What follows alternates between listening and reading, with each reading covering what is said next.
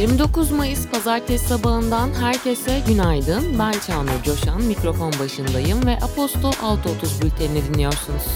Cumhurbaşkanlığı seçiminin ikinci turu dün gerçekleşti. Recep Tayyip Erdoğan, katılım oranının %84,69 olduğu seçimlerde geçici sonuçlara göre yeniden Cumhurbaşkanı seçildi. Sonuçları sokaklara çıkarak kutlayan vatandaşlar konvoylar oluştururken Erdoğan'ın zaferi yabancı liderler tarafından da tebrik edildi.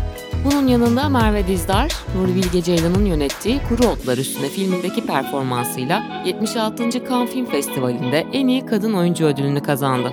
Konuşmasında Merve Dizdar, bu ödülü Nuray ve onun gibi kadınların mücadelesine güç verebilmek için kendisine layık görülenlere boyun eğmeyip eyleme geçen, bu uğurda her şeyi göze alan ve ne olursa olsun umut etmekten vazgeçmeyen tüm kız kardeşlerim ve Türkiye'de hak ettiği güzel günleri yaşamayı bekleyen tüm mücadeleci ruhlara armağan ediyorum dedi. Merve Dizdar'ı bir kez daha tebrik ediyor ve bülten haberleriyle devam ediyoruz.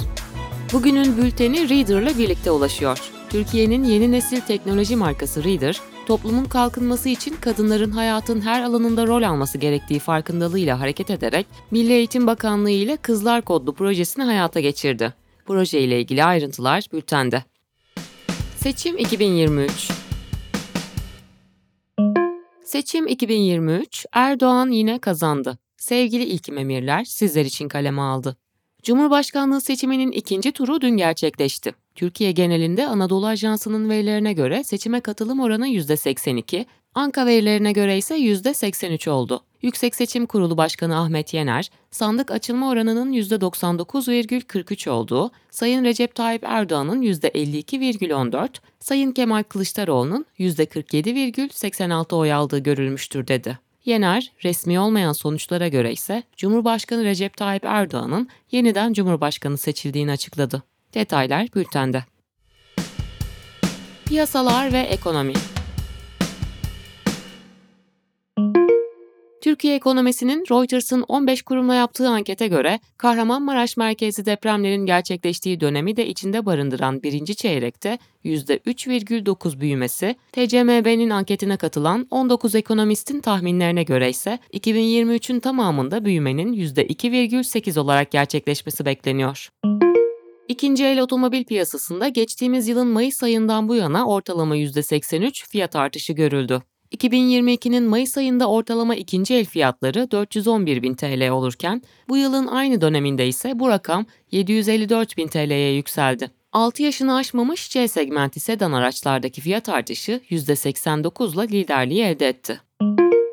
ABD Başkanı Joe Biden, borç limitini artırma konusunda Temsilciler Meclisi Başkanı Cumhuriyetçi Kevin McCarthy ile prensipte anlaşmaya vardıklarını bildirdi. Anlaşma doğrultusunda borç limitinin 2 yıllığına artırılmasını öngören yasa tasarısının birkaç gün içinde kongrede onaylanması bekleniyor. Biden anlaşma sağlanamaması durumunda ülkenin temerrüde düşeceğini belirterek resesyon ve işsizliğe yönelik uyarılarda bulunmuştu.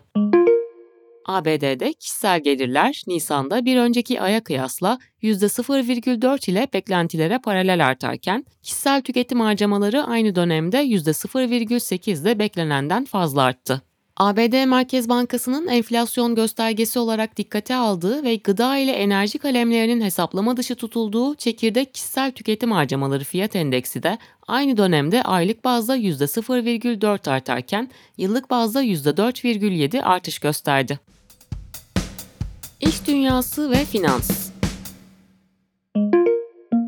Ankara Ticaret Odası Başkanı Gürsel Baran, gelir ve kurumlar vergisi matrahlarının tespitinde enflasyon muhasebesi uygulamasına geçilmesi gerektiğini söyledi. ATO Başkanı, KDV sistemindeki farklı oranların bazı sektörlerde uygulamada karmaşaya neden olduğunu kaydetti. JP Morgan, çeşitli departmanlarda yaklaşık 500 çalışanını işten çıkaracağını açıkladı. İşten çıkarmaların bankanın ana iş kollarındaki çalışanları ile teknoloji ve operasyonları etkileyeceği belirtildi. AB Komisyonu, üye 27 ülke arasında COVID-19 aşısı alımı için BioNTech Pfizer'la yapılan görüşmeler sonucunda anlaşma sağlandığını duyurdu. Sözleşme değişikliğiyle AB'nin satın alma taahhüdünde bulunduğu doz miktarı düşecek ancak AB iptal edilen her doz için yine de ödeme yapacak. ABD menşeli otomotiv devi Ford, Tesla ile araçlarının ABD ve Kanada genelinde 12 binden fazla süper şarj istasyonuna erişim sağlayacak bir anlaşma yaptı. Ford, yeni nesil elektrikli araçlarının 2025'ten itibaren Tesla'nın Kuzey Amerika Şarj Standardı adı verilen şarj bağlantı noktasıyla donatılacağını söyledi. Politika, Dünya Ukrayna Hava Kuvvetleri, Rusya'nın başkent Kiev'e hava saldırıları düzenleyerek savaşın başlangıcından bu yana yapılan en büyük insansız hava aracı saldırısı olduğunu açıkladı. Rusya'nın fırlattığı 54 İHA'dan 52'sinin düşürüldüğünü açıklayan Ukrayna Hava Kuvvetleri, İran yapımı kamikaze İHA'larla yapılan rekor bir saldırı olarak nitelendirdi. İran-Afganistan sınırında cumartesi gerçekleşen silahlı çatışmada en az iki İran askeri ve bir Taliban askeri öldürüldü. İki ülke arasında su hakları konusunda anlaşmazlıktan çıkan silahlı çatışmada birçok askerin de yaralandığı belirtildi. İspanya'da 35 milyon seçmenin katıldığı yerel ve belediye seçimleri gerçekleşti. Seçim anketleri ülkenin Muhafazakar Halk Partisi'nin kazançlı çıkacağını ve bu durumun ileride mevcut sol koalisyonun iktidarını sarsabileceği öngörülüyor.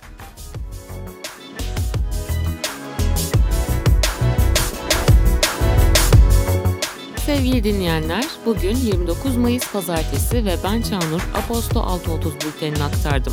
Bugünün bülteni Reader'la birlikte ulaştı. Aposto Radyo'da tekrar buluşmak dileğiyle, hoşçakalın.